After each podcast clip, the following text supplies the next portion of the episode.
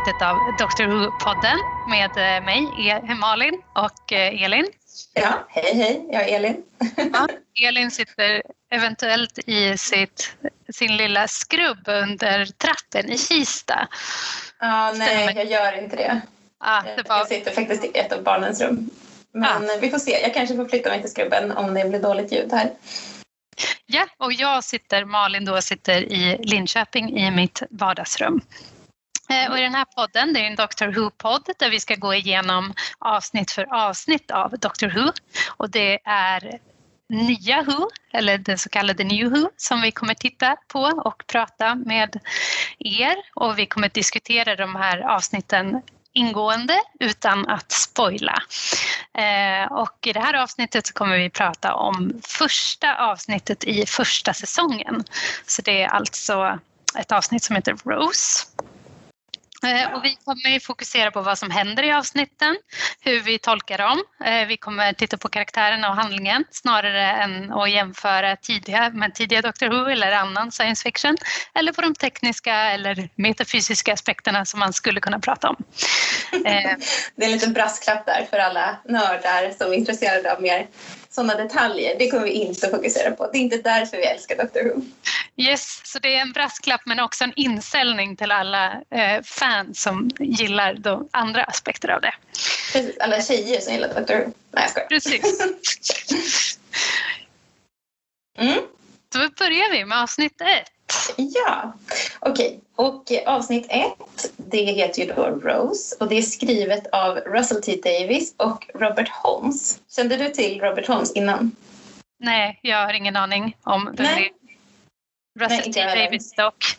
Russell T Davis känner man igen. Han är ju eh, showrunner eh, för Doctor Who vid det här laget. Och, eh, alltså där vi är nu. Och inte nu, utan där vi är i, i season 1 liksom. Eh, mm. Men Robert Holmes han är tydligen någon Doctor Who-veteran som har skrivit många avsnitt av eh, Old Who. Eller mm. Classic Who som också. Och han, eh, jag läste också att Russell T Davis och Steven Moffat har liksom, de ser väldigt mycket upp till honom och han har varit en inspirationskälla för dem när de har skapat New Who. Så det kan vara kul att veta. Jag vet inte om han återkommer som serie eller som författare eh, senare. Men eh, det var kul att veta liksom att han var med här i omstarten. Ja. Och avsnittet är också regisserat av Keith Boak, heter han, tror jag. Och eh, jag klickade liksom på hans namn och han verkar inte ha gjort någonting annat av värde. I alla fall inte som man känner igen. Så han, honom behöver vi inte nämna. Men det roliga med Russell T Davis, som jag inte visste, det var två saker. Känner du till liksom någonting mer om honom, vad han har gjort tidigare eller efter eller sådär?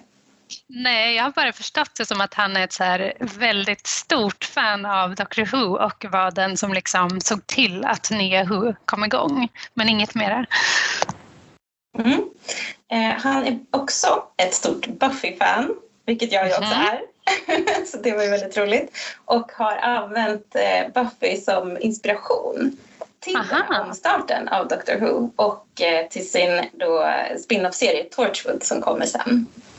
Aha. det är också väldigt, väldigt kul ja, att veta. Och det måste också, vi prata mer om. Verkligen.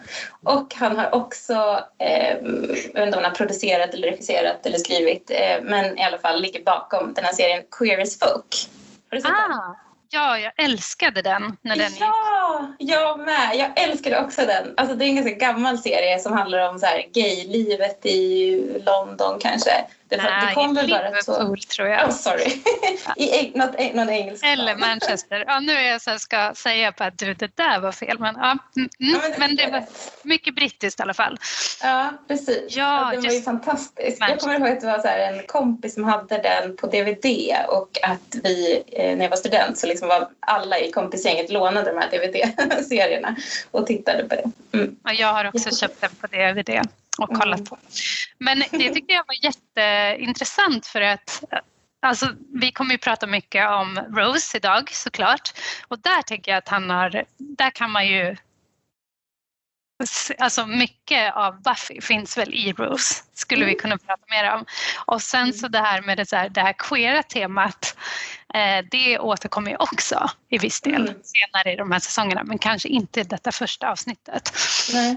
Nej, men precis. Och det är ju jättekul. Det är verkligen en, någonting som gör serien mer intressant som jag tror inte har funnits i eh, Classic Who eller så. Så det känns jättekul att han är med där och påverkar. Mm. Mm. Ja, men eh, ska jag då eh, berätta då vad, vad, vad det handlar om, det här avsnittet om? Ja. Mm. På IMDB står det ju så här då, att i det här avsnittet får vi träffa Rose och doktorn för första gången. Nej, så står det inte, det har jag skrivit. Men oh, oh, det står så här, när den ordinary, eller ja, vad säger man, alldagliga butiksbiträdet Rose Tyler möter en mystisk främling kallad doktorn dras hon in i hans främmande och farliga värld och hennes liv kommer aldrig bli detsamma igen. Eh, det är liksom den här väldigt korta beskrivningen och det säger ju egentligen ingenting om vad avsnittet handlar om. Men det är väl som en så upptakt till hela, hela serien. Mm. Eh, så jag skrev en egen liten sammanfattning. Mm. Så handlingen är väl då att Rose blir attackerad av skyltdockor och räddad av doktorn. Mm. Eh, och kan liksom inte släppa det här mysteriet utan söker upp information om honom på nätet. Vilket leder till att hennes pojkvän Mickey förvandlas till eh, någon slags ond plastdocka. Och eh, doktorn söker upp dem igen och i slutändan räddar Rose doktorn från att slängas ner i någon slags het lava. och hon räddar också hela mänskligheten från att bli utraderad av det här onda medvetandet. Vad tycker du om den sammanfattningen? Är det, håller du med om den? Jag känner igen den eh, och håller med. Eh, det finns vissa grejer där som jag tycker ska bli jätteroligt att prata mer om, bland annat det här med vad eh, om Rose är, eh, vad det innebär att hon är alldaglig eller vanlig, mm. eller hur de gör det. Eh, och också såklart doktorn, vem han är, om han är den här mörka främlingen. Eh, och sen så tycker jag också att eh, du nämnde ju den här, där, den här fienden som är någon slags varelse gjord av plast som tar kontroll över plast. Det är också väldigt roligt och så här, kanske lite också en grej som Dr Who håller på med, eller ofta så här, temat är någon slags eh, eh, liksom kritik mot samhället, att det är så himla mycket plast överallt. Ja, det tycker ja, jag är roligt. Det är en ganska rolig samhällskritik där och, och doktorn håller ju också på med mycket, alltså han kritiserar ju dem lite då och då så här, säger liksom, ja men det kan vi komma in på när vi pratar om, om avsnittet då kronologiskt. Ja, ja, det tänkte jag också på. Eh, mm. och även det där skulle jag också vilja prata lite mer om. Det här eh, när hon söker upp, eh, Rose söker upp den där um, Doctor Who-forskaren. Ja, det var jättekul. Det var väldigt roligt. Ja. Ja. Okej, okay. men vill du ja. säga någonting så sammanfattande om avsnittet? Vad, liksom, vad kände du? Ja, för avsnittet? Alltså jag tycker det här är, det är väldigt roligt. Jag har ju sett det här avsnittet några gånger såklart. Det har ju säkert många andra också. Men det som jag verkligen slås av när jag tittar på det, det är ju att det är så mycket som händer här. Alltså både är det ett ja, ganska spännande och lite lustigt, roligt avsnitt eh, där det händer saker. Jorden blir invaderad. Eh, men det är också det här att man introduceras till doktorn. Man får träffa doktorn för första gången eh, sen serien lades ner. Det är en ny reinkarnation Mm. Det är roligt att se honom och även Companion, eller följeslagaren Rose, eh, presenteras. Och andra viktiga saker som typ man träffar Tardisen för första gången och även eh, hans eh, screwdriver. Ni får ju stå ut med det, kommer bli ganska mycket blandning av svenska och engelska här. Eh, jag kommer inte ihåg ens vad eh, Sonic Screwdriver heter på svenska. Mm. men Ja, vi säger screwdriver, det låter konstigt annars. Exakt. Ja, men den får vi också, den kommer också dyka upp. Liksom. Så, det, så det är mycket, tänker jag, att när de gjorde det, det här avsnittet, att det skulle både vara liksom fan pleasing, det vill säga att gamla fansen ska känna igen sig och tycka att det har gjorts något roligt i, med det här avsnittet. Så det är både liksom lite nya element men också gamla. Eh, och sen att det ska, nya fans ska tillkomma eftersom det är en ny start.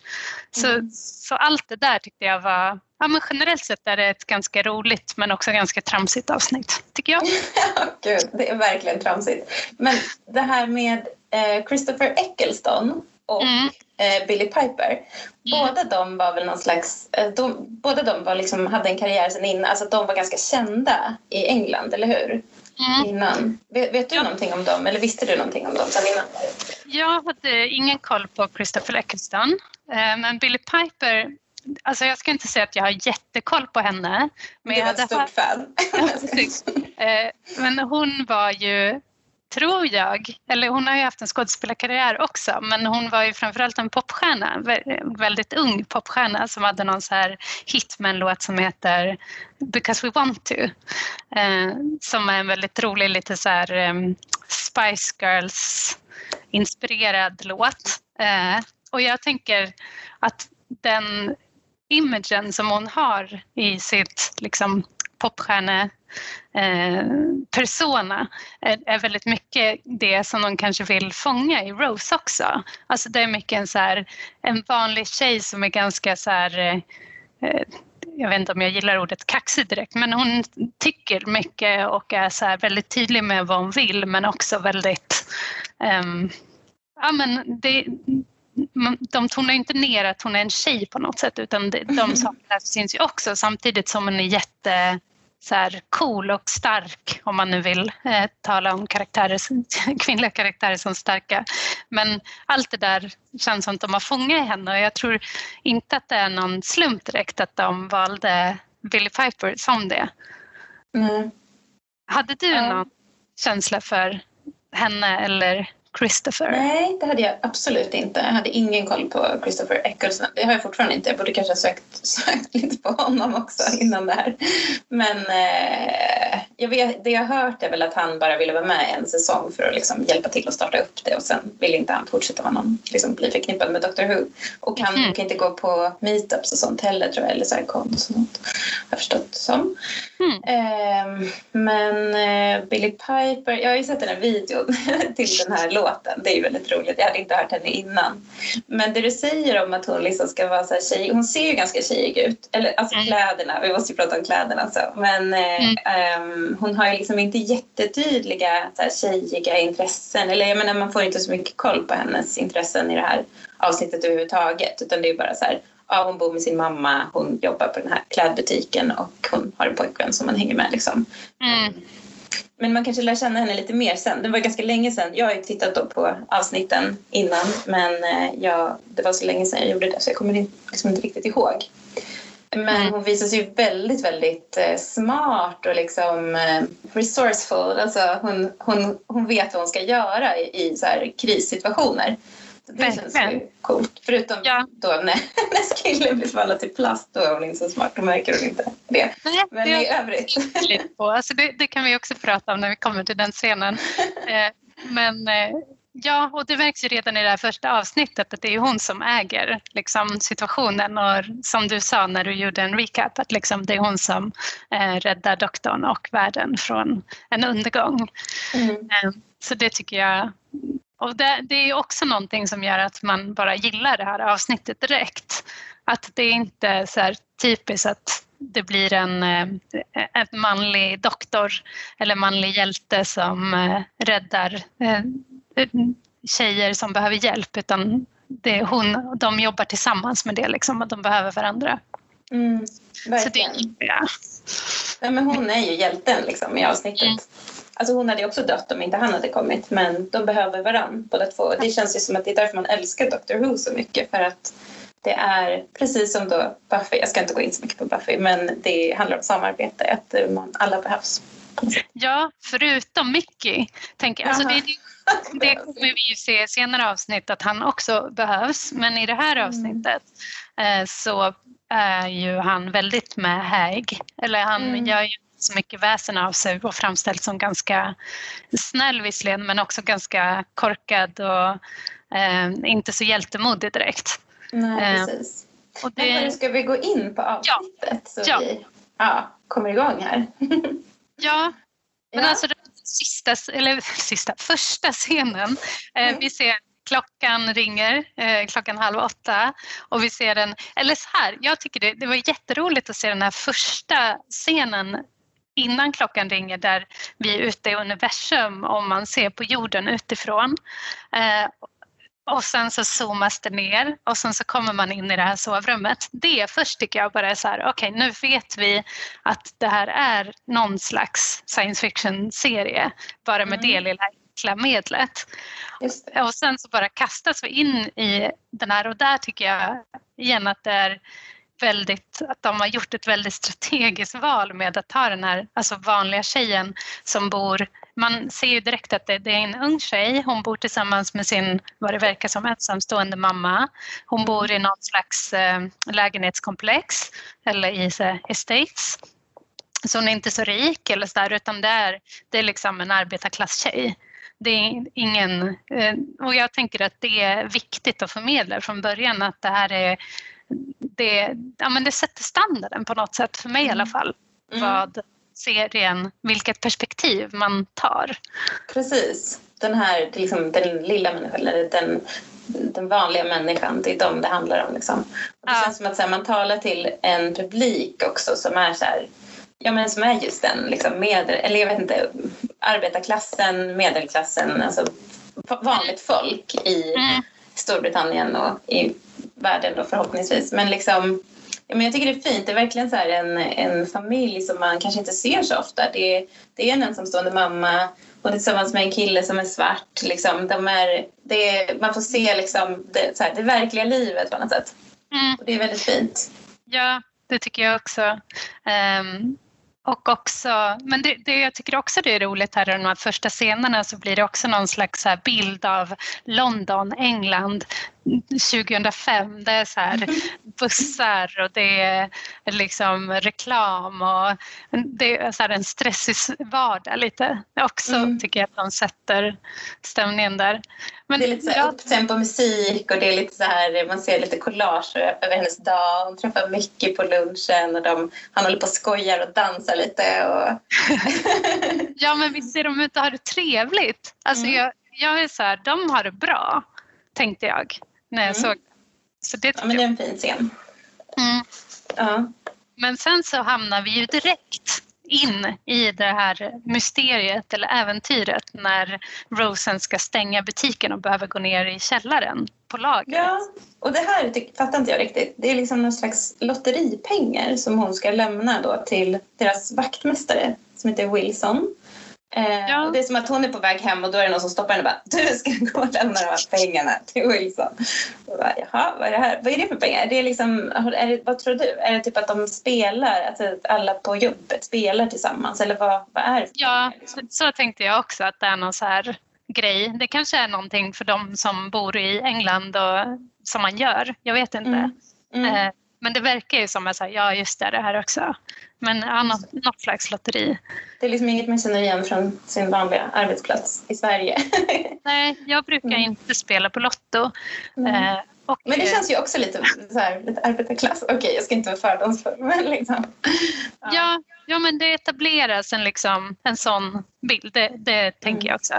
Ja.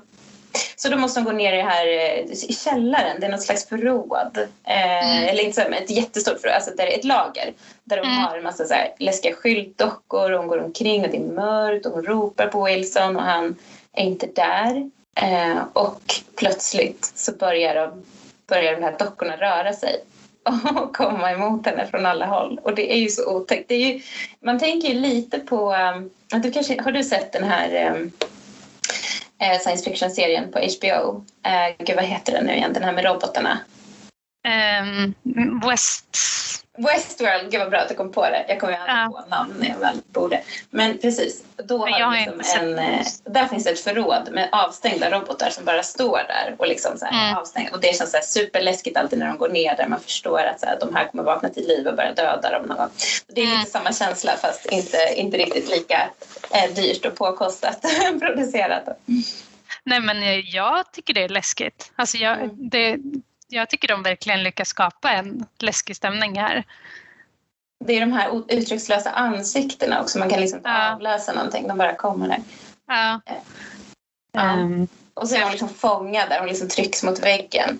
Och ja. då kommer han, så ser man väl typ en närbild på hans hand när han tar ja. en hand tar henne i handen och sen så ser man doktorn för första gången och så säger han run och så springer han. Ja, och det, det är ju det är väldigt eh, episkt på ett sätt ja, tycker jag. Det här är Doctor Who. Ja, och också det är så fint att han tar henne i handen just att det är det första man ser. Mm. Jag tycker det är någonting, det visar redan att de Ja men att han, eh, alltså det är svårt att, nu säger man ju att man bara, de litar på varandra för att man vet att de kommer göra det sen kanske men, men liksom det känns som att det är redan någon slags eh, så här, vi litar på varandra känsla. Mm. Eller vad tycker du? Ja, ja, men det känns så. Som att, ja men vad ska hon göra? Alltså, det är klart att hon litar på honom. Det är ett bättre alternativ än att stanna där liksom, och bli mördad. Men Ja. verkligen, det känns ju så. Och så springer de då in i en, i en hiss. Ja, Eh, och där de här dockorna försöker här, ta sig in genom hissdörren och, de, och han liksom lyckas slita av en arm och på det sättet så lyckas de stänga eh, dörrarna. Mm. eh, och då säger Rose till honom att han är very clever, eller det var clever gjort. Och det tycker jag, det är ju också Dr. Who's, liksom, alltså det är det stora, men liksom det är det som gör Dr. Who så bra, att liksom det handlar om att vara eh, clever, vara klyftig eller liksom smart eller klurig eller jag vet inte hur man ska ut, liksom översätta det på bästa ja, snarare än att vara liksom stark och eh, atletisk. Ja men precis, eller typ skjuta och döda och Ja, använda Ja, våld precis. liksom. Nu var ju Ja. Frida ganska våldsamt och det kanske inte var så himla clever men jag gillar i alla fall att ordet introduceras snabbt Ja. liksom, i det här första Men- avsnittet. Men på tal om att introduceras då. Eh, här ser vi då doktorn eh, för första gången på många år i en ny kropp. Eh, vad känner du? Hur, vad, vad tycker du om honom? Hur ser han ut? Vad har han för kläder? Vad säger du om hans frisyr? Oh, gud. Alltså, jag tycker ju inte att den här doktorn är så kul. Alltså, han har ju en bra utstrålning och jag gillar verkligen när han så här ler och han säger fantastic. Han är väldigt entusiastisk och det, Ja. det vill man ju Ja. att de ska vara. Men hans kläder, alltså hur de stylade honom. Här kanske man Ja. också kan se Buffy igen för det här är så här skinnjacka, lång skinnjacka. Det är väldigt så här Angel att ha en så här lång skinnjacka. Ja, Det verkligen. fult. Och det här korta hår, så här snaggade håret. Han har liksom ingen rolig detalj som, som doktorerna oftast brukar ha.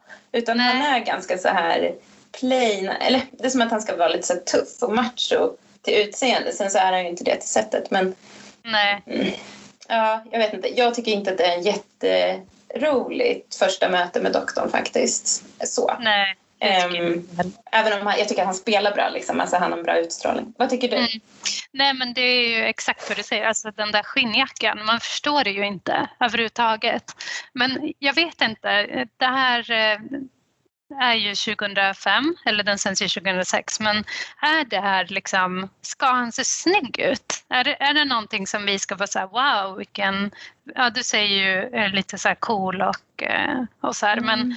Är det här en snygg stil 2005? Jag är lite tveksam, men Ja, precis. Alltså, det är ju svårt att komma ihåg vad man tyckte var snyggt. Ehm, det var ju, alltså Rose-kläder, lätt Mm. alltså, att jag hade dem också. Tyckte att de Ja. var snygga. Alltså de här konstiga säckiga byxorna, tröjorna som var liksom avklippta, så här, ringningen högt upp skulle man liksom Ja. klippa av. Det var en massa konstiga hålar och där. Munkjacka, också ett Ja. slags brett bälte. Alltså Ja. det är ju så fult, tycker jag nu. Men jag hade det också, jag tyckte det var jättesnyggt. Och så håret som är bara är så här, någon slags snedlugg och så långt och så bra. Liksom. ja. Inte jättesnyggt. Men jag tror att han ska nog vara tuff. Liksom. Han kanske ska tilltala en manlig publik främst. Inte Ja, det är sant faktiskt. För Mickey har ju alltså ganska lika kläder som Rose har. Alltså på Mm. de här lite så här roliga t-shirtar och jeans. Lite typ. streetwear och sådär. Ja. Men nej, eh, och den här frisyren som man har, det vill säga Mm. ingen frisyr, bara snagget. Det är så himla tråkigt. En så kallad buzzcut. Ja, det, det, var- så det är liksom, det, men det är så tråkigt för det blir som lite av en besvikelse. Nu vet ju ni som har lyssnat på vårt introducerande avsnitt lite att jag eh, inte, eller så här, jag såg ju, kun, jag såg där, det här är ju det första Dr. Who-avsnittet jag såg eh, och jag tyckte att det var så här dåligt och tråkigt och fattade inte grejen och var tvungen att titta på eh, andra säsongen eh, och tionde doktorn för att fastna för det. Eh, men nu har jag ju sett hela den här säsongen också. Eh, men jag tror att det är mycket av lite så här, vem, hur ser han ut? Eller han är så tråkig. Fast mm. han är ju inte tråkig personlighetsmässigt. Men just det här första intrycket, det var ganska eh, för mig inte så härligt. Nej men precis, han, de, han kunde verkligen ha stylats bättre. Alltså när man tittar på de gamla doktorerna då ser ju mm. de oftast mycket, alltså de är oftast lite fancy liksom. De har någon slags stil, de har lite klass. Alltså så här. Ja. Antingen så har de någonting roligt, liksom. Ja, halsduken eller man har någon slags hatt. Eller, man har liksom, ja. eller ja. så har man ju liksom någon så här snygga kläder. Eller så. Alltså första doktorn är ju en gammal gubbe, han kanske, Nej. men han är också lite stilig tror jag. Mm. Tror jag. Jag, känner, jag har bara liksom en svartvit bild på näthinnan nu. Men, Just ja, jag vet ja. inte. Jag förstår inte riktigt. Men kanske då att det ska tilltala någon slags... Eh, ja, men det ska kännas lite så äventyr och tufft och så.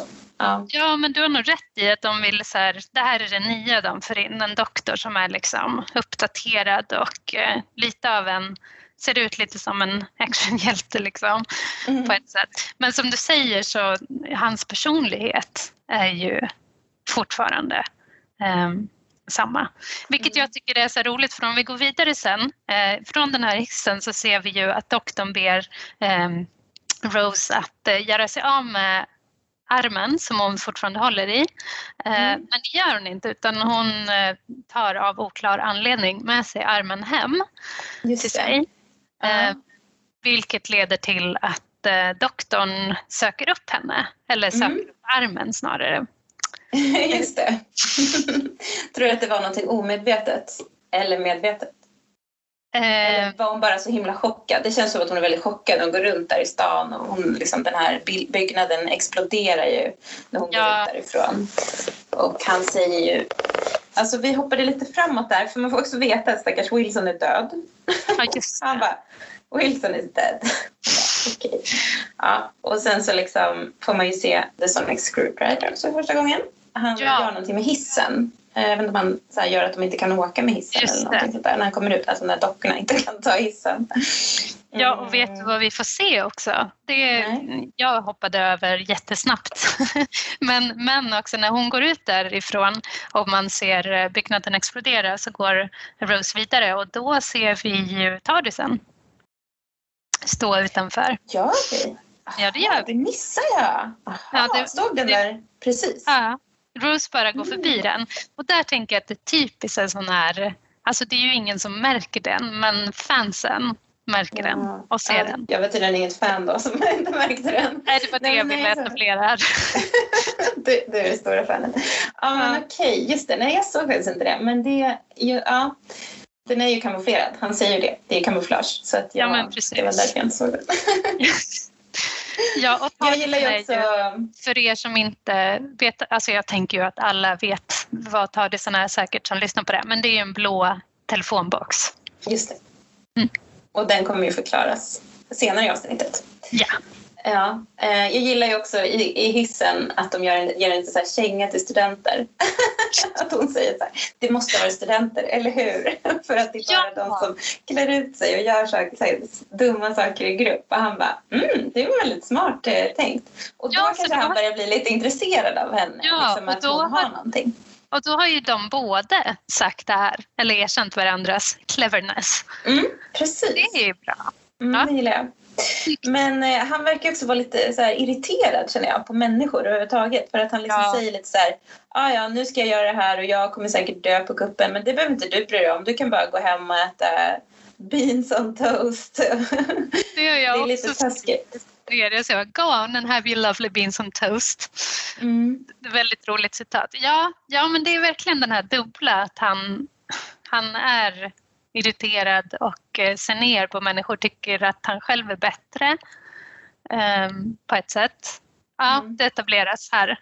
Ja, Men han kanske, det känns lite grann som att här, han har varit utan en companion för länge. Han har liksom tappat kontakten med människorna.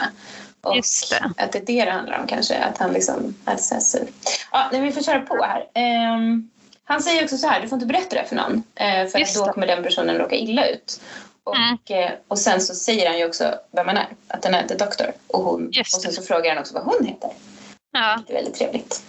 Ja. och så säger han run for your life och så är han väldigt så glad. Mm. han är aldrig bekymrad utan han bara yes run for your life. Nu ska jag smälla upp den här eh, ja. Och nu har ju vi då eh, sett ungefär tio minuter av första avsnittet. Ja. Och det är så här sjukt intensiva tio minuter. Alltså, verkligen. Så mycket. Eh, så det var så här högt tempo. Så det är både högt, alltså musiken är väldigt högt tempo men också, det händer ju väldigt mycket. Mm, ja, verkligen. Och när hon kommer hem då så, så liksom är ju alla väldigt upprörda så här, över att den här byggnaden hon jobbar har sprängts. Jackie är så exalterad och är så här, oh, jag pratar i telefon. Och hon kan liksom försöka få Rose tjäna pengar på det här. Och, och så kommer Mickey och han är väldigt ja. orolig. Han säger, du kan inte bara dricka te, du måste dricka något starkare, du måste gå till puben. Ja, men jag tycker det där är så roligt. Alltså både, här lär man ju känna både Mickey och eh, Jackie lite bättre. Mm. Uh, Mickey spelas av Noel Clark och Jackie spelas av Camille Koduri. Mm. Har jag kollat upp här. Men eh, både så här, Jackie känns ju alltså, som att hon både den här bryr sig om sin dotter väldigt mycket men också är ganska självupptagen. Mm. Ja, precis. Hon ser, och hon liksom, alltså man känner hon är lite så här skvallrig, lite så här eh, det är klart hon, hon, alltså det är någonting spännande som har hänt även om det är läskigt så hon liksom blir lite upplivad av det på något sätt. Ja, verkligen. En så typisk skvallrig mamma helt mm. enkelt. Medan Micke, han verkar ju vara lite så här, alltså han bryr sig verkligen om Rose, det, det förstår man ju. Men han vill också mm. passa på att gå ner till puben och titta på en match. Ja, men det är roligt att hon också dels genomskådar honom men dels också verkar tycka att det är en del av hans skärm. Liksom. Mm. Uh. Ja, kanske det. Ja, och sen så ringer klockan igen och då fick jag känslan så här, ska det bli en sån här eh, måndag hela veckan, alltså en sån här time loop nu? Men det var det ju inte. Det var ju bara att hon vaknar och nej, det är ingen idé att gå upp för att nu har hon inget jobb? Mm. så Jack är liksom redan uppe och bara, det är ingen idé att gå upp, du har ju inget jobb att gå till. Ja, det är så mycket man tänker här. Liksom. Eh, vi ska inte gå in på det så mycket, men det är så roligt att man bara, jaha, mitt jobb sprängdes, nu har jag inget jobb, ingen hör av sig, eh, det är bara accepterat är arbetslös nu. Alltså, det är ganska roligt tycker jag. Ja, hon har ingen säkerhet heller, det känns ju tråkigt. Det är liksom inte som att, ja, men du får i alla fall Alltså jag menar, om ens jobb skulle sprängas så skulle man ju ha lite säkerhet i Sverige. Men ja. det beror på vilken klass man tillhör kanske. Mm. Vad man har för typ av jobb. Ja. Men eh, ja, och nu kommer ju doktorn igen. Ja. Eller de hör att det är någonting som, eh, det är här, den här kattluckan skulle spikas igen och den börjar så flappa lite grann. Mm. Och så går de dit och undersöker det. och så, så här, står de plötsligt öga mot öga med doktorn igen. Och eh, de är båda väldigt så här, förvånade. Mm. Och han är lite så här, är du plast? Eh, nej det är du inte. Eller så här, vad gör du här? Och vad, jag bor här, varför gör du det? Ja, det är lite, en lite skojig eh, ordväxling liksom. Men ja. hon, han tänker gå därifrån men hon drar in honom, hon vill ju ha lite svar. Mm. Och då träffar eh, doktorn eh, Jackie. ja, precis. Och blir då sitt förföriska jag. ja, eller Jackie blir sitt förföriska jag och eh, eh, doktorn bara, det här kommer inte hända. ja, men doktorn verkar inte fatta. Eller? Jag har känslan av att han är typ så här, ja, hon bara, här står jag och det är en främmande man i mitt rum och sen så försöker hon se lite förförisk ut och han är så här, ja, det stämmer. Alltså han är väldigt så här ordagrann liksom. Mm. Det helt mm. bokstavligt. Mm. Ända tills han förstår typ vad hon syftar på. Då är han så här, eh, nej, nej. ja, men det, det, man, det, man gillar de här lite tramsiga men ändå ganska roliga scenerna. Ja, men är det en etablering av doktorns eh, asexuella sida? Liksom att han är asexuell? Eh, ja, eller? eller det är ju det som är så här de olika doktorerna är ju olika sexuella kanske man kan säga. Men eh, jag vet inte om du håller med om det, men... Eh, Den eh, sexuella doktorn. ja, men precis. Alla tänker på, eh, på tionde doktorn nu, eller hur? alltså, eller är det bara jag? Eh, um, ja, men, men, det är klart. Han är ju inte helt asexuell, men han är ju inte... Alltså, han har viktigare saker för sig. Ja, verkligen. Alltså, det är ju inte hans... Han åker ju inte runt i världen för att eh, träffa människor. ja men precis. Eh, men det finns där ju. Alltså, mm. Alltså på något sätt som du säger, alltså han har ju ändå någon slags förförisk sida ibland. Mm. Eh, kanske, men... kanske mindre i den här doktorn, alltså nionde doktorn är inte så Nej. sexuell. Nej. Men eh, ja, vill du säga något mer om den här scenen? Uh, nej, jag tycker vi, det, vi behöver nog gå vidare. det roliga är nu är så här, Rose frågar doktorn om han vill ha te, men han vill ha mjölk. Det är konstigt. Ja. Alltså att dricka mjölk. Varför vill han ha det? Ja, men det, uh, Ja, alltså den här scenen är ju ganska rolig också när han går omkring. För där förstår man ju när han går runt i lägenheten och tittar på hennes saker att han är helt ny i sin kropp. Precis, och det stämmer ju verkligen ganska dåligt ihop med vad vi får veta sen. När ja. vi träffar den här eh, Doctor Who-forskaren, eller vad man ska säga. Hobbyforskaren. Mm. Eh, men precis, han tittar sig i spegeln och, och liksom kommenterar sina öron och så säger han så här, could be worse. Så det känns ja. som att det är första gången han ser sig själv. Ja, fast stämmer det verkligen? Alltså, för man, han kan ju resa, var, alltså, även om han reser bak i tiden, eh, i framtiden, mm. så det förflutna ja, kommer väl fortfarande kan... kunna inträffa för honom i framtiden. Just, det här är viktigt. Att det är förvirrande med så här tidsresor, men just det, han, han har liksom de där grejerna som, som eh, fastnar på bild det har inte han gjort än. Det kommer komma sen. Men nu blir ju doktorn attackerad av en arm. En arm. ja, precis. Och det här är också en så väldigt så comic relief-aktig scen där han blir attackerad av en arm och Rose fattar ingenting. Nej. Och visst var det så att Mickey skojade ju om det tidigare så hon tror ju att han skojar. Alltså det kanske är liksom en extra anledning till att han, hon inte tar det här på allvar. Hon mm. har sett det här skämtet förut. Liksom. Ja, eh, men det är allvar. Mm.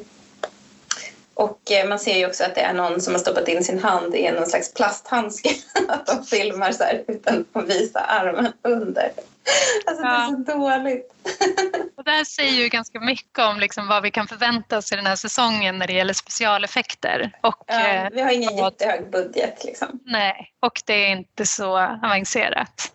Nej, men, men det är väldigt roligt det är väldigt roligt. Så de har det i alla fall. Men doktorn lyckas ju till slut och här får vi ju se den här eh, screwdrivern i sin mm. Igen och kan lyckas. Och där förstår man, vi säger, nu har jag lite luddigt minne men vi säger eh, eh, eh, Rose att så här, ah, men har du dödat den nu? Och han säger typ så här, nej, jag har bara brutit kopplingen. Kontakten. Kontakten. Ja, mm. just det. Så man så förstår också... att han, han har inte på med dödande. Inte Precis. helst inte i alla fall. Ja. ja. Mm. Precis. Ja, men det, det är lite så här, man förstår inte riktigt vad det är som, hur kan han liksom påverka plast med den där screwdrivern. Men eh, det är någonting med det här medvetandet som man får veta sen då. Mm. Eh, men då tar ju han bara den här armen och, och drar och går mm. iväg. Och hon följer efter honom och vill liksom ha svar på vad det är som händer. Mm. Um, och hon, han menar liksom att så här, men du tror att världen bara kretsar kring dig, men så är det inte. Men så visar det sig att världen, han menar nog att världen kretsar mer kring honom än om henne ja. sort of, yeah. det var också roligt. Men den här scenen är ju både rolig och här får man ju också se en sida av doktorn som vi inte har sett ännu i det här programmet, men just, eller just i det här avsnittet med det. Men just det liksom hur han är något stort eller hur han är någonting helt annat. Alltså en mm. tidsherre som vi inte får lära, här, lära oss här. Men, eh, och att han, just där som han säger så här, ja men vi vet hur jorden snurrar hela tiden eh, men vi känner inte, men jag mm. känner det. Mm. Eh, så det är någonting, alltså det är väldigt ödesmättad den scenen också. Ja precis, det är en ganska fantastisk scen när han liksom står där och säger att han, att han känner jorden snurra och att vi faller genom rymden och så tar han hennes hand mm. och så mm. är det som att han överför den här känslan på henne. Mm. Eh, men sen släpper han handen och, och liksom mm. lämnar henne på något sätt där. Men han berättar ju också att, så här, den här, att det är någon slags Nestern consciousness eller så här, medvetande då, som Jag... försöker få kontakt med doktorn. Så han försöker få kontakt med det Men det försöker också få kontakt med doktorn. Antagligen för att det vet att doktorn kommer stoppa det. Så mm. det, det försöker liksom stoppa honom först. Mm. Så de jagar båda varandra på något sätt. Men, mm. men han säger också så här, hon frågar så här, men vilka mer vet om det här? Och då säger han så här, det är bara jag. För att vilka mer finns? Det är ju ni människor, ni äter ju bara chips och ser på tv och sover medan det pågår ett krig omkring er. Så där kommer ju återigen den här liksom, ja, tröttheten på människorna och liksom kanske att han underskattar människorna in. Mm. Ja, och precis som du sa så ja, men han har inte träffat människorna på ett tag och liksom har en väldigt fördomsfull bild av dem. Mm. Och eh, han säger att det handlar om tankekontroll. Så här får vi veta då att den här The Nesting Consciousness eh, eh, utövar tankekontroll och liksom kan då överföra eller så här, kan gå in i allting som är plast och styra det.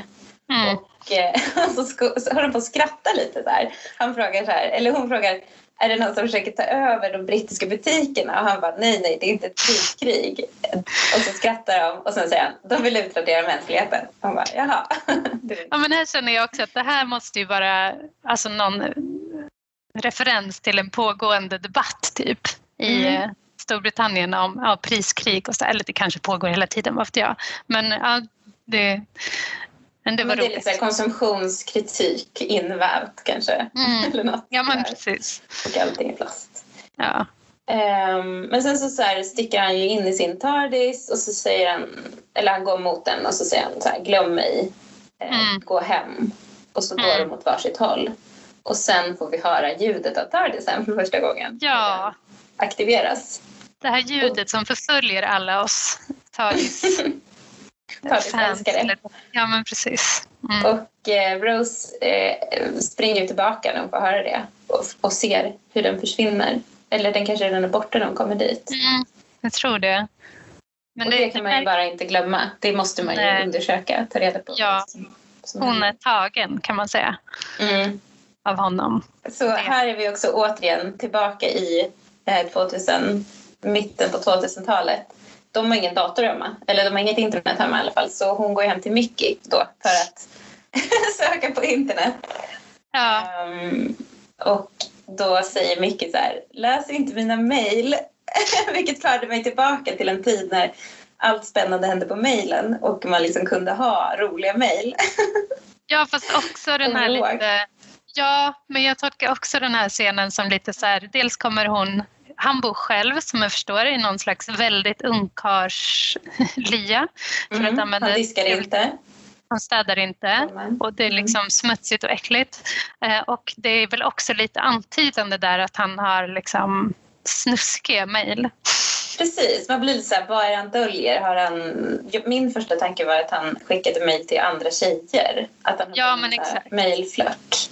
Ja, men bara den här grejen att det ska vara en så här antydan kring hur killar är som jag tycker mm. är lite tröttsamt. Så. Här känns ju han lite tråkigare. Liksom. Han så här, smäller henne på rumpan och liksom så här, jaha du vill bara få en excuse eh, för att gå in i mitt sovrum och så. Ja. så säger han så här, don't read my emails. Så det är lite tråkigt. Men ja. eh, det viktiga här då, det är ju att hon inte googlar utan att hon går in på någon sökmotor som heter searchwise.net. som jag inte vet om den fanns. Nej, jag har inget minne av det. För mig var det nog alltså, 2005. Oh, det är svårt att komma... Ja, jag tänker det. De vill väl kanske inte bara göra reklam för Google men, men var det så 2005 så eh, inte så avancerat? Såg datorer ut så där 2005? Ja, men det tror jag de gjorde. Eller i alla fall, ja. I alla fall de som eh, brittiska män hade sina ungkarlslior kanske. Mm, men jag hade ju själv inget internet 2005. Utan jag bodde i ett kollektiv och min, eh, en av mina rumskompisar hade internet tror jag, på sin dator. Eller jag hade ingen dator heller. Ja, skitkonstigt faktiskt. Man gick till datasalen och, ja. eh, på universitetet. Jag hade ju internet hemma då faktiskt. Men det var väldigt nytt. Eh, och jag, jag hade ingen dator eller jag hade precis som du att jag fick gå till datasalar och göra mina, jag pluggade på eh, högskolan då. Men sen så flyttade det hem en kille till mig som tog med sig dator och internet. Så 2005 var jag uppkopplad. Ja. Men hon googlar, eller hon eh, söker på internet eh, och får ju en träff till slut. Mm. Eh, och det är ju ganska kul. Eh, så Mm. ser man en bild där på honom så här. Så det är ju en bild ändå liksom. Så Ja, det är inte allt för gammalt. Eh, och sen så åker ju hon, tar ju med Mickey och så åker de till det här området och träffar den här mannen då som heter Clive. mm. Och Mickey är väldigt orolig för att eh, han ska mörda henne. Så han och med- honom med. Ja, Han är rädd för sitt eget liv också tolkar det som. Ja, det verkar passa ihop med hans personlighet. Vilket är helt normalt. Man brukar ju vara rädd om sitt eget liv. Men han får sitta kvar i bilen och, och spana. Och hon går in. Och det man märker att det här är en trevlig person. Jag tycker man känner igen den här skådespelaren. Men jag vet inte riktigt från vad. Nej, jag känner också igen honom. Det borde vi ha kollat upp, men jag har en känsla för att han skulle kunna återkomma i någon biroll. Nej, han dör ju. Du tror inte det? Ja, ja men i en annan Ja, ja. karaktär. Men, eh, ja, han är säkert någon, eh, Ja. alien i någon annan. Ja, just Ja. det. Ja, men det, är Men väl, det- det... är hans barn som öppnar. Det känns väldigt så här, gemytligt. Han säger så här, Dad is one of your nutters. Och mm, eh, hans, hans fru säger så här, oh it's a girl typ. Eller han blir så här förvånad över att det är en tjej mm. som kommer. Men- Jag tänkte här, eh, det är ju en väldigt rolig scen och en väldigt, så här, är det här liksom en blinkning till att det är så här typiska Doctor Who-fans är? ja, Att det är liksom nördar som sitter hemma i sin källare, en man i medelålder som liksom forskar om, kan, ja, eh, om är besatta av science fiction. Ja, men 100 procent. Jag tror verkligen att det är det. Det här är liksom fanservice. Fast den är, i och för sig inte så eh, trevlig eftersom han dör sen. Men, Nej men precis. men det känner man ju att så här, det här är, eh, det här är den, de Whovians som vi inte är. som har koll på alla detaljer, all teknik, allting sånt. Men han är ju väldigt så här, sympatisk och trevlig. Verkligen. Och säger så här, no murders till henne när hon säger att hennes pojkvän sitter i bilen. Ja, men grejen är väl att han har ju fått eh, doktorn om bakfoten. Han Mm. har ju sett att doktorn finns och har funnits både i, ja, i framtiden vet jag inte, nej, men längre bak i tiden i alla fall och långt tillbaka till tiden. Men han menar ju att doktorn för med sig död och olycka och elände. Ja, han har liksom inte förstått att det är en god person som försöker hjälpa. Utan han, men han har ju förstått att det är en alien. Han säger Mm. det. Jag Mm. tror att det är en alien. För först, fast först så säger han att jag tror att det är en titel som eh, ärvs mellan, från far till son. Mm. Ehm, men sen säger han att hon tror att det är en alien. Och då, Mm. det, hon är ju inte redo för det utan hon blir bara så här, nej. Hon bara himlar med ögonen typ och eh, går därifrån. Det, då fick hon nog. Alltså han är knäpp liksom. Ja, men jag tycker också att alltså, det där är väl i och för sig intressant och någonting som också kommer att återkomma till ett tema om det är så. Jag menar, vi, han är ju en god person eller en god karaktär av någonting, någon som räddar världen. Men han orsakar ju också mycket död runt omkring sig. Mm. Så det är väl ett så här tema som återkommer är, och som man själv också brottas med. Liksom, Mm. Varför gör jag det här och, och så vidare. Så det är kanske lite djupare än att bara att han hade fel. Mm, ja, absolut. Vi får återkomma till det. Mm. Eh, samtidigt så händer det ju lite konstiga saker med den här plastsoptunnan. Ja. När Mickey sitter och väntar i bilen så han, den börjar liksom typ närma sig honom. och han hoppar ut och, och eh, ska försöka avslöja den som håller på att skoja med honom. Men fastnar med fingrarna i locket. På ett, alltså det är så dåligt. Ja. Här har de ju använt då lite specialeffekter och eh, han, han liksom klistras fast på något sätt i den här soptunnan Mm. och sen så slukas han av den och sen så rapar soptunnan. Varför skulle den göra det? Det är så dumt. ja, där, där kände jag också att där borde de ha bara klippt bort. För det Mm. var, det var lågt tyckte jag. Det, det är barnprogramsnivå på det. Ja, vilket i och för sig, det här programmet ska väl funka som familjeunderhållning. Så det kanske är lite så här, Mm. What? Det är lite barnservice då kanske. precis. Mm. Men sen förvandlas Mickey till plast. Ja, så när Rose kommer tillbaka till bilen då sitter Mickey där och ser superkonstig ut. Alltså verkligen, han ser ju ut som han är gjord av plast och ler jättekonstigt.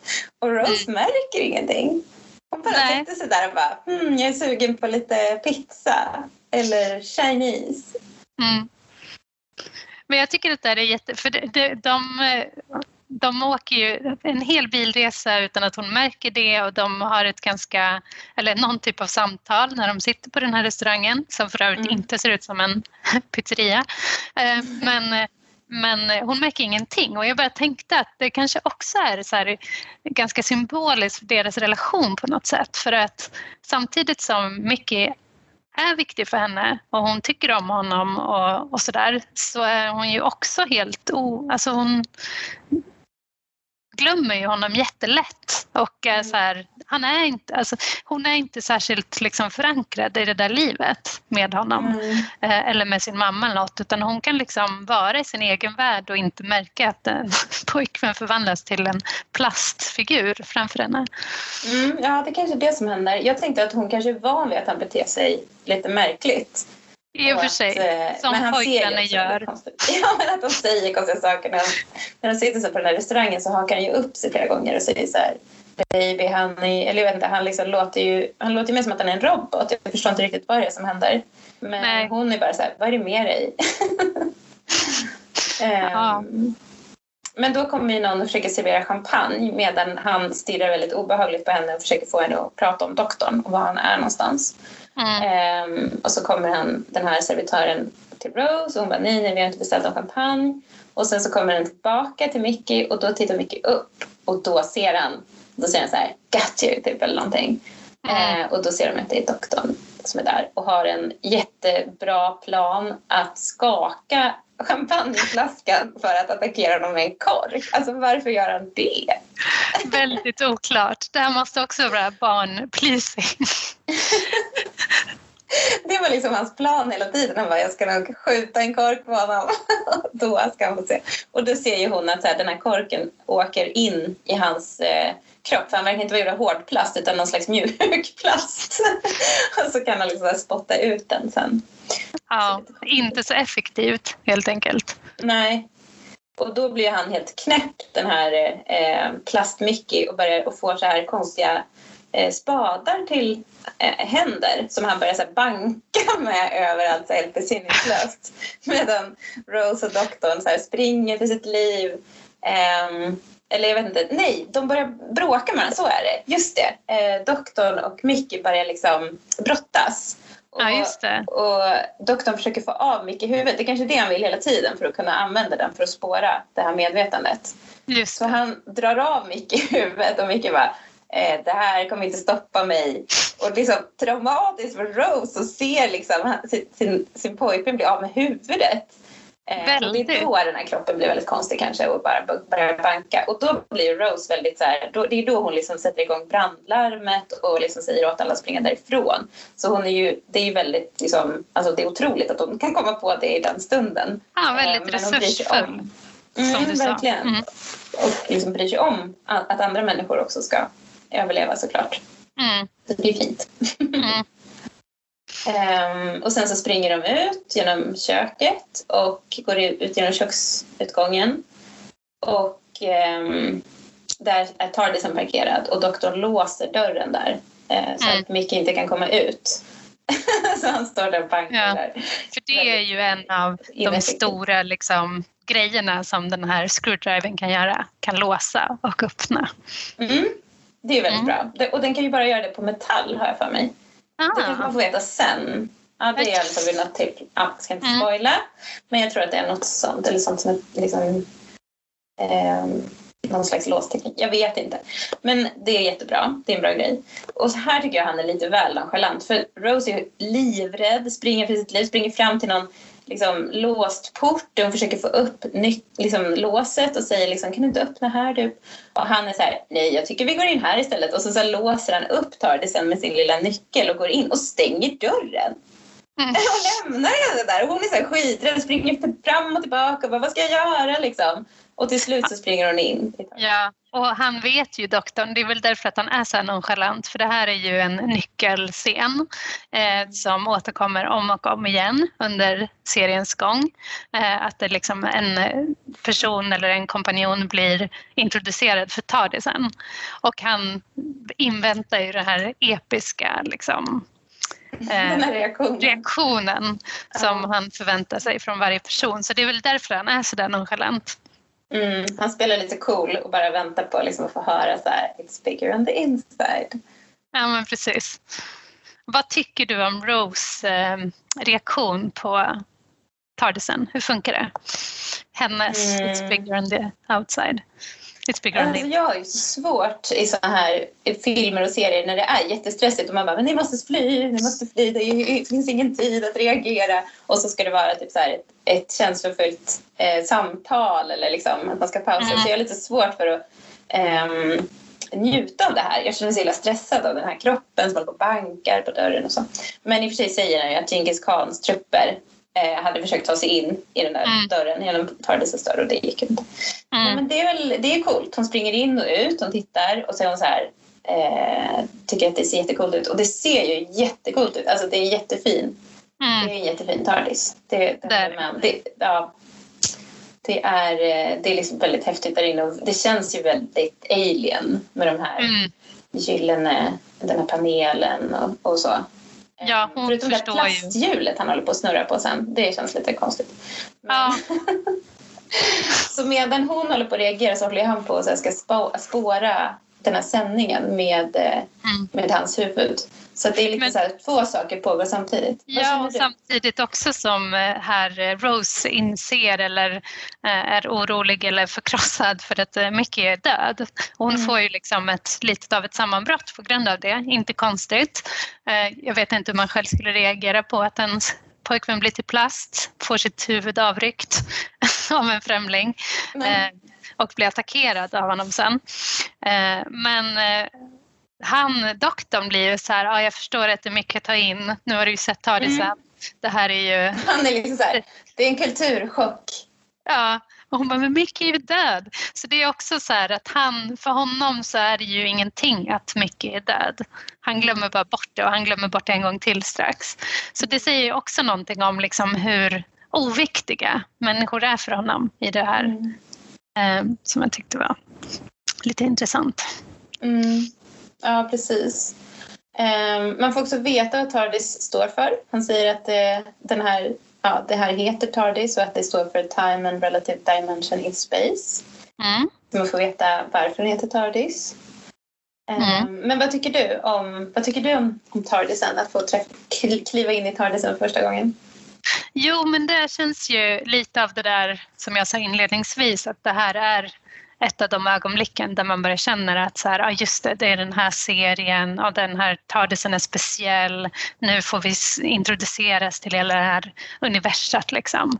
Mm. Eh, så jag, jag tycker den är bra. Jag tycker också att det är ganska roligt att det blir det där eh, att han också framstår som den här lite självgoda personen igen som tycker att han är väldigt viktig medan mm. hon har känslor, ja, både är rädd och liksom uppskakad på olika sätt. Så de får ihop det där på ett ganska bra sätt där tycker jag. Det händer mm. mycket mm. men, men som sagt det känns storslaget. Mm. Ja, verkligen. Mm. Hon säger också så här, hon frågar också om hon, honom om han är alien. Mm. Och då säger han ju ja. Och sen så frågar han om det är okej. Okay. Och eh, då känns det som att han är ändå lite nervös för det känns som att han har börjat fästa sig vid Rose och han ja. ser någonting i henne. Ja. Och, eh, och så säger hon ja och så känns det så här som att han slappnar av lite grann. Mm. Men eh, så börjar det huvudet smälta och eh, de, måste, de får bråttom för att följa signalen och, eh, och, och flyger iväg då, men tar det, fast det märker inte hon. Utan han, han går och öppnar dörren och hon här, stanna det är farligt. Och så, så ser, han, ser hon att de har flyttat på sig och kommit någon annanstans. Mm. Och, och liksom, han får förklara att ja, men den kan eh, förflytta sig då. Mm. Um, och då frågar hon så här, men vad händer med kroppen? Är den kvar där borta? Och då säger han så här, nej men den smälter ju samtidigt som huvudet såklart. Och är liksom så jätteokänslig inför att det var hennes pojkvän. Mm. Och eh, Rose börjar liksom tänka så här, åh gud, jag måste berätta för, för hans mamma vad som har hänt. Och är, ja, känner sig, som hon börjar tänka liksom på, så börjar ta in det här som har hänt. Mm. Och, då säger, och så blir hon arg på honom för att han är så okänslig och så säger hon så här, men du har rätt, du är ju alien, du är liksom främmande. Mm. Du är inte som vi. Och då mm. tycker han liksom att nej men vi försöker, jag försöker bara rädda mänskligheten, jag kan inte tänka på varenda liten människa. Mm. Um, men vad tänker du kring det, att han säger så? Alltså det är ju det, är ju det jag tycker att det är det här som, som jag sa tidigare också, att, att det är ju det här som är mångbottnat med den här karaktären. Att å ena sidan så försöker ju han göra just det, att det, det är viktigt för honom att rädda liksom olika, eh, inte olika mänskligheter, men olika typer av raser eh, mänskligheten ibland eller ofta. Eh, men det är ju inte heller helt sant det han säger för han bryr sig ju om individer. Mm. Också. Precis. Jag tycker också det är olikt honom. Det är inte doktorn. Doktorn bryr sig om varenda liten varelse. Ja, Oftast och de här valen som man behöver göra, alltså kring eh, liksom rädda några få eller väldigt många, de är alltid väldigt svåra för honom. Oftast mm. landar det i att han väljer att rädda några få. Mm. Um, kanske inte, ja, så det, det är verkligen ett sånt här tema som återkommer. Mm. Eh, som hastas över lite. Men visst är det just här också hon säger, han säger någonting om, eller Rose säger så här, men hur kan du vara alien när du har en eh, Northern. North dialect. Ja, och han säger lots of planets have a north.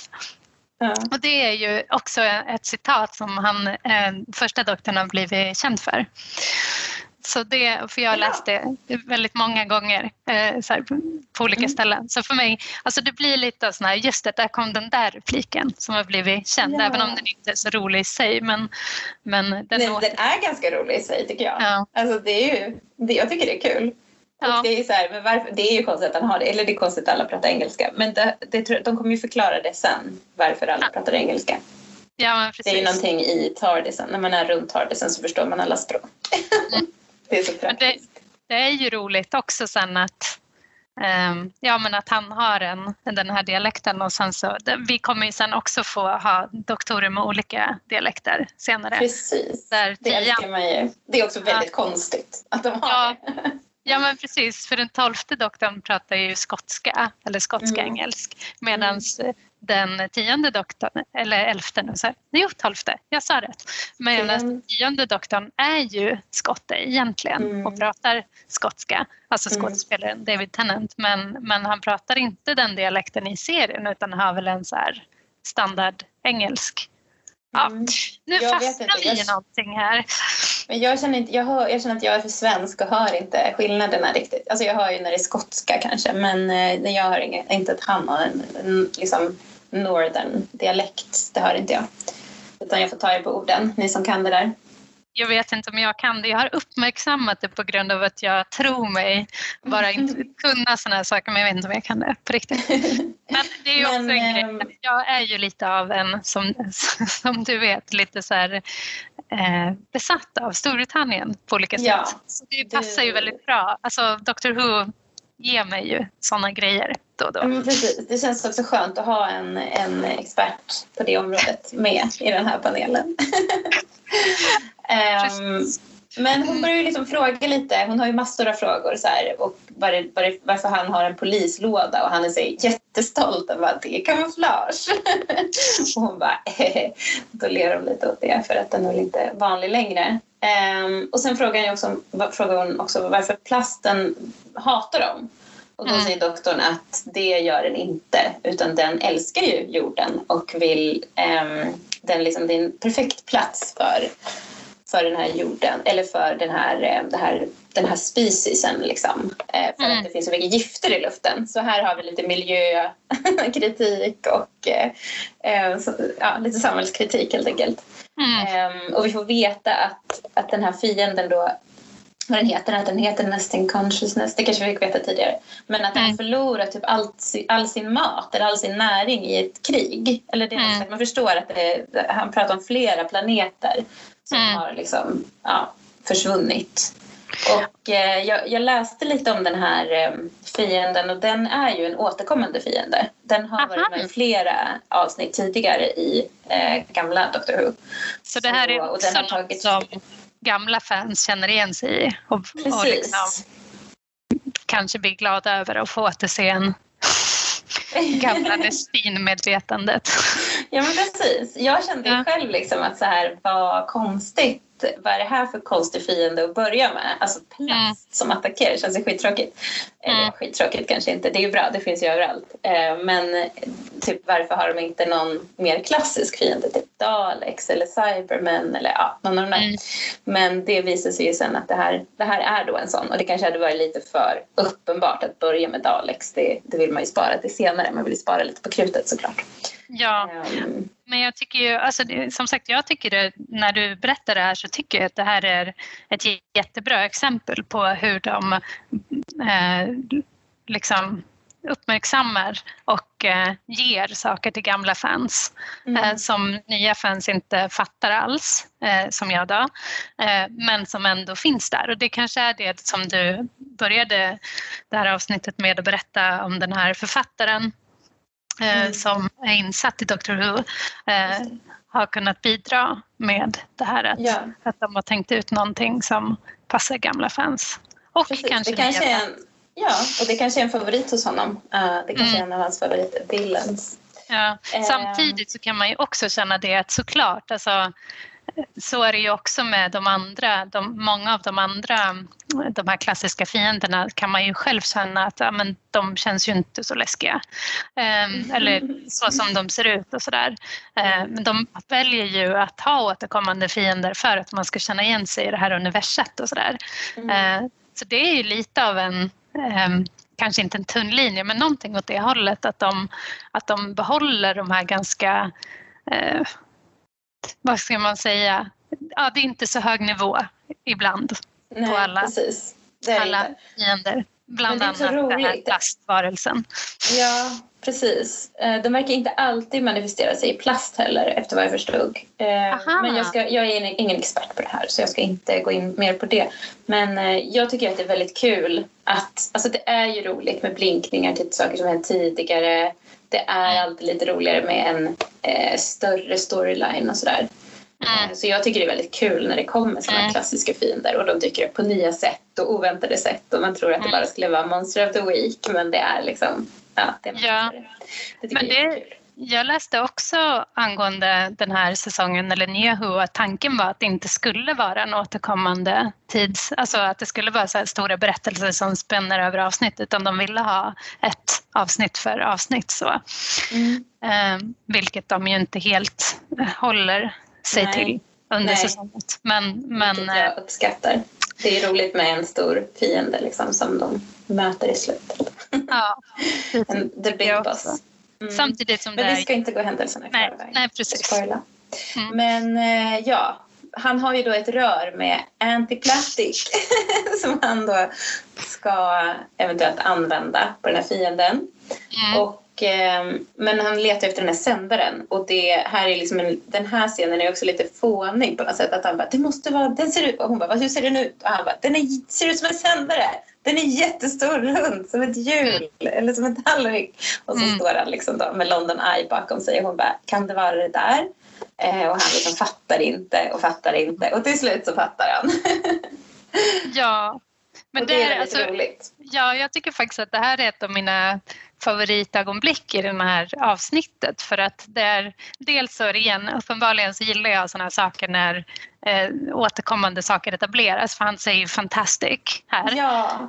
Eh, så det blir så här, när det kommer för mig så blir jag så här, ja just det, det kommer vara hans grej. Eh, men sen är det ju också det här att de har det här samspelet och samarbetet. Även om det är fånigt att han inte fattar det för att det är så uppenbart så är det hon som bidrar. Liksom. Och mm. där för att de jobbar tillsammans som de kan ta sig an det här plastmedvetandet. Ja men verkligen, det är jättefint. Men vi kanske ska säga det att doktorn alltid har en catchphrase eller jag vet mm. inte om det har varit så tidigare men nu är det ju så i alla fall. I, i New Who så har de alltid ja. någonting som de säger och då är hans fantastic och så ser han ju så himla glad ut när han säger det så man ja. väldigt man känner man, så här, yes! Ja men precis, så här tror jag, alltså, som, som vi har varit inne på så han ser inte så jätterolig ut men hans han är ju en bra skådespelare som mm. förmedlar det här, här alltså, han förmedlar glädje. Ja, men, men hans, hans minspel är ju väldigt bra. Liksom. Ja, så man blir väldigt glad och så tar de varandra i hand och så springer de så känns det väldigt optimistiskt. Så här, nu kommer mm. de att lösa det här. Och mm. då så är det också hon som hittar där de ska gå ner. Ja. När de försöker leta efter det här och, och då säger hon ah, kolla här och så går de ner.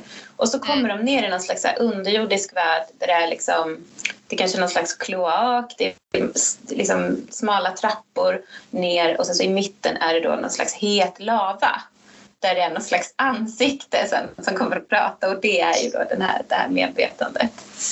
Um, och där sitter ju också Mickey.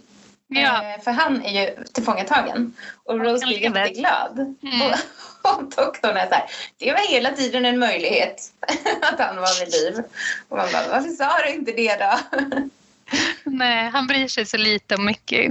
Ja, verkligen. Han nästan eh, ja, han liksom anti-bryr sig om Mickey. Liksom. Mm. om man, det är ett konstigt ord. Men ja, doktorn vill springa ner och prata med det här medvetandet. Och eh, det är ju väldigt roligt för att medvetandet låter så här... Liksom, och, men doktorn förstår ju hans språk. Mm. Eh, så han, man förstår då på vad doktorn säger att det här medvetandet eh, eh, hänvisar till sina grundläggande rättigheter eller någonting sånt. Mm. och doktorn bara, nej men det här är ju en invasion. Det här, du kan inte hänvisa till några sådana rättigheter. Det är som att han har liksom blivit tag, det här medvetandet har blivit taget av polisen och bara, nej nej, mm. men jag, jag måste ringa ett telefonsamtal. Men det här är ju också roligt att, eh, eller det är också viktigt här att vi ser att eh, doktorn, alltså att det finns sådana här rymdregler typ mm. Eh, och att de har ett diplomatiskt samtal här. Att han är inte bara någon så här ja, men det är inte heller ett så vanligt bara, oj, här kommer onda utomjordingar, nu ska jag spöra dem. Utan det är någon slags, det finns eh, ett system eh, och visserligen så har ju de, de har ju invaderat precis som doktorn påpekar men, men eh, det, det är också någon slags här diplomati som utspelar sig där doktorn är medlaren. Mm, och, precis. och han vill ju heller inte döda medvetandet säger han utan han, han vill ju först försöka prata med, med ja. det och försöka få dem att, dem eller det att liksom lämna frivilligt. Mm, men det gör de inte. Nej, precis. Han säger ju att det här är ju en, en alldeles ny planet och människorna, eller så här, de, människorna är helt i början av sin utveckling och har, de har så mycket mer att lära.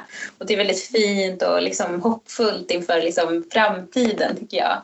Mm. Ehm, och han liksom säger att de måste få, få, få vara i fred, att, att mm. utvecklas. Men samtidigt som han står och gör det då så kommer det ju två skyltdockor från varsin sida och, och tar fast honom. Mm. på något jättekonstigt sätt. Och tar ifrån honom röret och de bara ehm, ja. Och han bara nej det var bara en försäkring. Jag skulle aldrig använt det. Och eh, det här medvetandet håller på att verkar anklaga honom för att liksom vara skyldig till att det gick så dåligt att liksom, för dess undergång. Men han liksom säger att så här, nej, men jag kunde inte göra någonting åt det. Jag var bara med i kriget, men jag kunde inte. Så man förstår att det har varit ett stort krig. Och, och mm. Men sen så har de ju tagit Tardisen till fånga på något sätt. Jag fattar inte det här riktigt. Nej. Mm. Nej, jag tycker också det är lite oklart faktiskt, hela den här grejen. Uh, ja, vi kan återkomma till det lite strax. Eh, mm. För det blir lite senare snart här eh, där plast, plasten håller på att ta över världen. Mm. Som jag tycker är lite oklart. Men man förstår i alla fall att de har fångat Tardisen och eh, allt är förbi verkar det som för mm. doktorn. Men säger han att Tardisen är livrädd? Det, det lät så. Men jag fattade inte, jag kollade inte med text. Nej. Det... kommer typ fly tillbaka till sin home base, eh, final base. Eller han säger något sånt där. Jag, ja, jag missade det tror jag. Um, jag var så uppe i den spännande utvecklingen här. Uh, ja, jag vet inte riktigt. Men någonting är i alla fall att Tardisen är tillfångatagen och den använder Tardisen? Nej. För att, ja. ut till, för att skicka ut den här signalen till hela världens plast. Så de gör i alla fall det. Så, det, det all, så, så, man ser då hur liksom skyltdockor världen över börjar, i alla fall i London, börjar eh, röra på sig. Och dessutom då så liksom får de någon slags pistolhänder. Ja, och det är det här som jag tycker, men nu när du säger det, för jag hade nog inte riktigt eh, uppfattat det där med att Tardisen hade något med det här att göra, men får de liksom teknologi från Tardisen också så att de kan börja skjuta Alltså för att jag förstod inte det alls. Dels så tycker jag det är så ganska ologiskt att det är just bara skyltdockor som blir levande. Jag förstår ju att det ser mm. effektfullt ut och så här. Eh, men jag menar, det är ju mycket saker som är gjorda av plast. Kan man säga. Ja, verkligen. Det, det, skulle kunna bli mycket läskigare på något sätt. Ja, men precis. Om allt runt omkring en. Till, till, exempel så, ja, men till exempel Jackie håller ju en, en shoppingpåse där. Den skulle ju kunna attackera henne. Precis, börja försöka äta upp hennes hand. Ja, eller strypa henne, ja. hoppa upp och sätta sig över hennes ansikte. Nej, men jag vet inte. Det är mycket, ja, det. Men, men de valde ändå bara plastdockorna och ett skjutvapen. Det är väldigt konstigt. Mm. det är faktiskt jättekonstigt. Men då får man ju se Clive och hans familj eh, vara ute då i, och shoppa ja. Eh, den här då, Dr Who-forskaren och de blir ju attackerade och han blir då skjuten vilket är jättehemskt. Man får inte se honom sen så han måste ju ha dött. Ja, stackars Clive. Alltså jag kände att det var ah. ganska hårt. Det, det kändes ja. också för Clive förstår ju direkt att det är Dr Who på något sätt som är i, i eh, ligger bakom det här, eller tror ju det. Så han får ju sin bild av doktorn eh, bekräftad, att han är ute efter att döda. Liksom. Och det, det är det sista ja. han får vara med att han blir dödad av vad han tror är doktorn. Eller doktorn. Jag tänkte mer att det var att han liksom ändå fick så här tillfredsställelse på slutet, att han liksom hade rätt. Ja, jo, en dubbel tillfredsställelse. Man får rätt, ja. men man dör. Det är lite hårt. Ja, ja det var hemskt. Mm. Eh, och eh, Jackie blir också attackerad av någon slags, de här brudskyltdockorna som är superläskiga som kommer ut, krossar fönstret mm. och går mot henne. Men sen så är det ju också då, det är liksom man ser att det är så massförstörelse överallt. Och sen så parallellt då så får man se eh, när Rose och Mickey tittar på doktorn och Mickey säger typ “Leave him” och liksom lämna honom och, eh, och Rose tittar ner på doktorn och de bara liksom tittar mycket på varandra. Det känns som att doktorn, mm. hade han kunnat slå sig fri eller? Alltså han liksom väntar på att hon ska göra något för att han kanske vill att hon ska göra något. Jag vet inte. För det känns så konstigt att han liksom ska kunna... att han blir fasthållen av de där två skyltdockorna. De liksom bara står där. Eh, mm. Men sen så kommer ju hon då på, eller så säger hon, hon liksom tar ett beslut. Hon säger att jag eh, har ingenting kvar, typ, jag har inget jobb. Ja. jag vet inte vad hon säger. I got Men no A-levels, no job, no futures. Det är väldigt bra tycker jag. Ja, fortsätt. Ja, ja men det är det hon sa. Men hon, har, hon var med i gymnastiklaget och hon, hon tog brons. en bronsmedalj. ja, så därför kan hon svinga sig i någon, något rep där. Ja. Och, Men igen, eh, igen här så, så liksom trycker de på att hon är en så vanlig tjej. Att hon, ja, är en, det är liksom, hon är den här arbetarklasstjejen, hon var inte så bra i skolan, eh, hon eh, kommer bara bli liksom en knegare. Men, mm. men hon är så modig och bra. Precis, ja. Hon har inte ens guld i den här Nej. sin gymnastiktrupp utan hon har bara brons.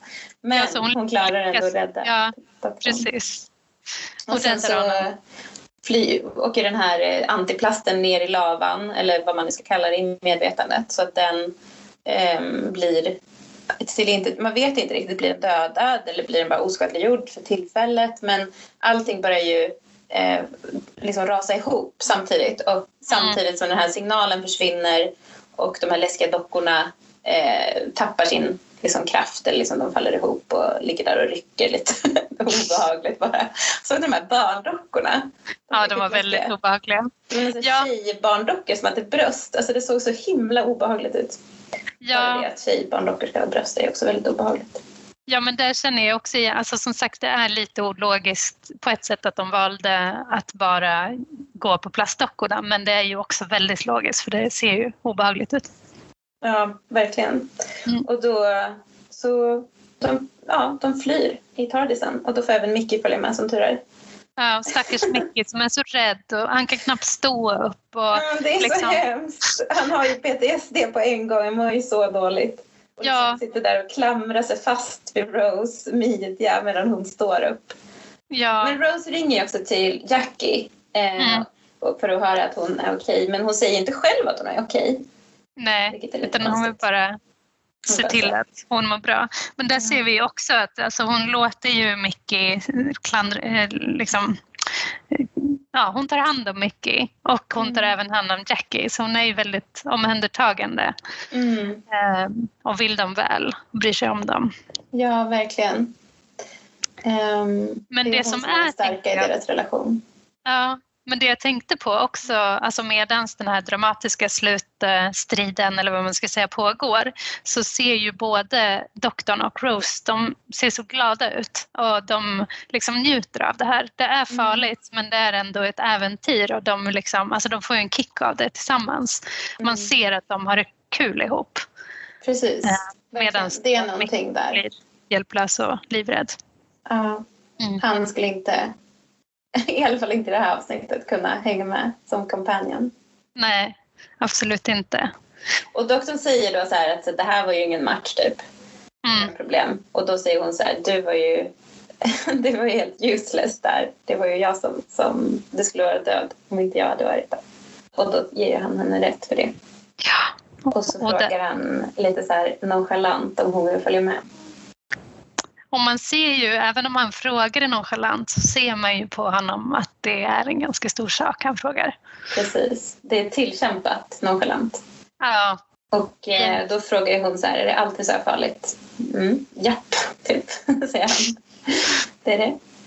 Men eh, hon säger att hon inte kan. Hon tittar på Mickey och liksom känner att ah, hon kan inte lämna mm. sin mamma. Mm. Och eh, han blir väldigt besviken, det ser man ju. Mm. Men hur känner du? Blir du besviken över att hon säger nej? Ja, gud ja. ja. Man, man fattar ju så här, hon ska ju följa med honom. Det är ju det som ska hända här.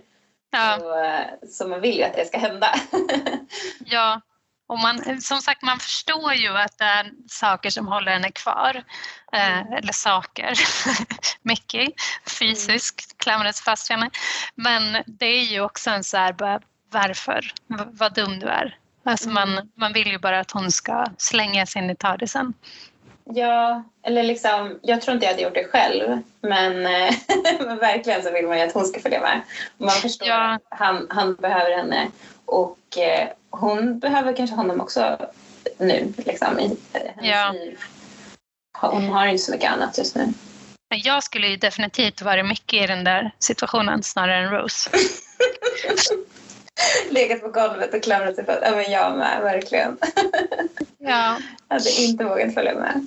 Speciellt inte om man sa att det var så farligt. Om man hade sagt så här, nej, nej, det kommer inte vara farligt, jag ska skydda dig, så kanske jag hade följt med. Precis. Ja. Men sen så försvinner ju han. Han åker mm. iväg. Och eh, de liksom ska gå därifrån och Mickey liksom, alltså han spelar väldigt bra. Han liksom så här, kan inte ens stå ordentligt utan han står liksom lite hopsjunken på något sätt. Det är så här jätteeländig. Och ja. hon är så här, oj oj oj kom nu till lilla stackare typ. och sen kommer han, kommer ändå, kommer plötsligt Hardison tillbaka. Mm. Och han säger så här, jag glömde säga att den reser i tiden också. Och ja. ändrar Rosie. Och så pussar hon Mickey och så springer hon in i tardisen och så ser hon så himla himla glad ut. Ja, och han också, och bara den grejen att han åkte iväg och sen ångrade sig och bara så jag kan inte släppa den här tjejen mm. som gjorde allt det här. Det är också, alltså man, man får ju inte se honom i det men man kan ju tänka sig att mm. eh, han känner rätt mycket. Ja, ja precis. Men det som är ganska slående med att det är ett första avsnitt det är ju ändå att de inte gör någon tidsresa i det här avsnittet. Verkligen! en liten resa i, i London, en väldigt kort liten resa. Men de åker ja. inte i tiden. Och det tyckte jag var ju, alltså just att han kom tillbaka och sa det där, glömde jag säga att den reser i tiden. Har hon inte förstått det ännu, tänkte man. Eller nej. jag tänkte det. Det har hon nog inte, det har hon nej. inte fått veta. Nej, fast nej, om det är ju svårt att veta hur man själv tänkte eftersom man vet att det här är temat. Men man fick ju ledtrådar om det kan man säga. Både mm. av eh, våran stackars avlidna Clive eh, och hans efterforskningar men också av att han berättade vad TARDIS betydde även om det mm. kanske är lite svårt att förstå det, de ja, termerna. Ja. Men, jag har nog inte kopplat ihop det. Nej, eh, mm. men det känns också lite så här det kanske säger mer om mig än, än Rose, men just att den reser i tiden, är det den stora lockelsen? Eller tror du bara att hon kände att så här, jag kan inte att hon bara ångrade sig, att hon inte kunde släppa den här konstiga mannen och hans blå låda. Mm. Eller tror du att det var tidsresorna som lockade henne? Jag tror inte att det var så här, jaha, så är det det? Utan hon ser verkligen ut och, och, att ångra sig när han åker iväg. Så ja. tror jag, jag, tror att hon ville följa med så att hon blev glad att hon fick en annan chans. Hade han så kommit ja. tillbaka och sagt så här, jag har toapapper också, då hade hon också Okej, okay, jag kommer. det tror jag verkligen. Ja. Och eh, det som han inte säger det är ju att hon kan ju åka iväg och komma tillbaka precis samma tid. Ingen behöver ens märka att hon har varit borta. Men Nej. Eh, det, vet, det vet de inte om. Eller hon vet Nej. inte. Nej, hon bara kastar sig ut i det, i det okända. Ja, hon har ingen aning. Ja. Men eh, nu har vi poddat väldigt, väldigt länge. Eh, ja. Så vi kanske ska försöka avsluta. Men ja.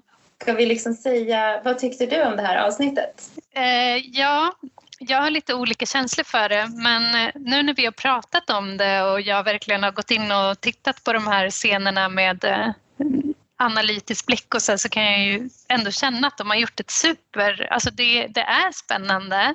Och det är just där introduktionen av doktorn på ett väldigt bra sätt. Och även Rose som jag redan tycker jättemycket om. Jag är fortfarande lite tveksam kring doktorn, alltså första doktorn och hur han ser ut och allt det där. Men jag känner ju att det här kommer bli episkt. Och särskilt eh, sista scenerna. Där mm det liksom, man, man förstår att nu kommer det hända stora saker och viktiga saker. Men sen så tycker jag också att hela den här eh, plastgrejen kändes ju jättefånig. ja.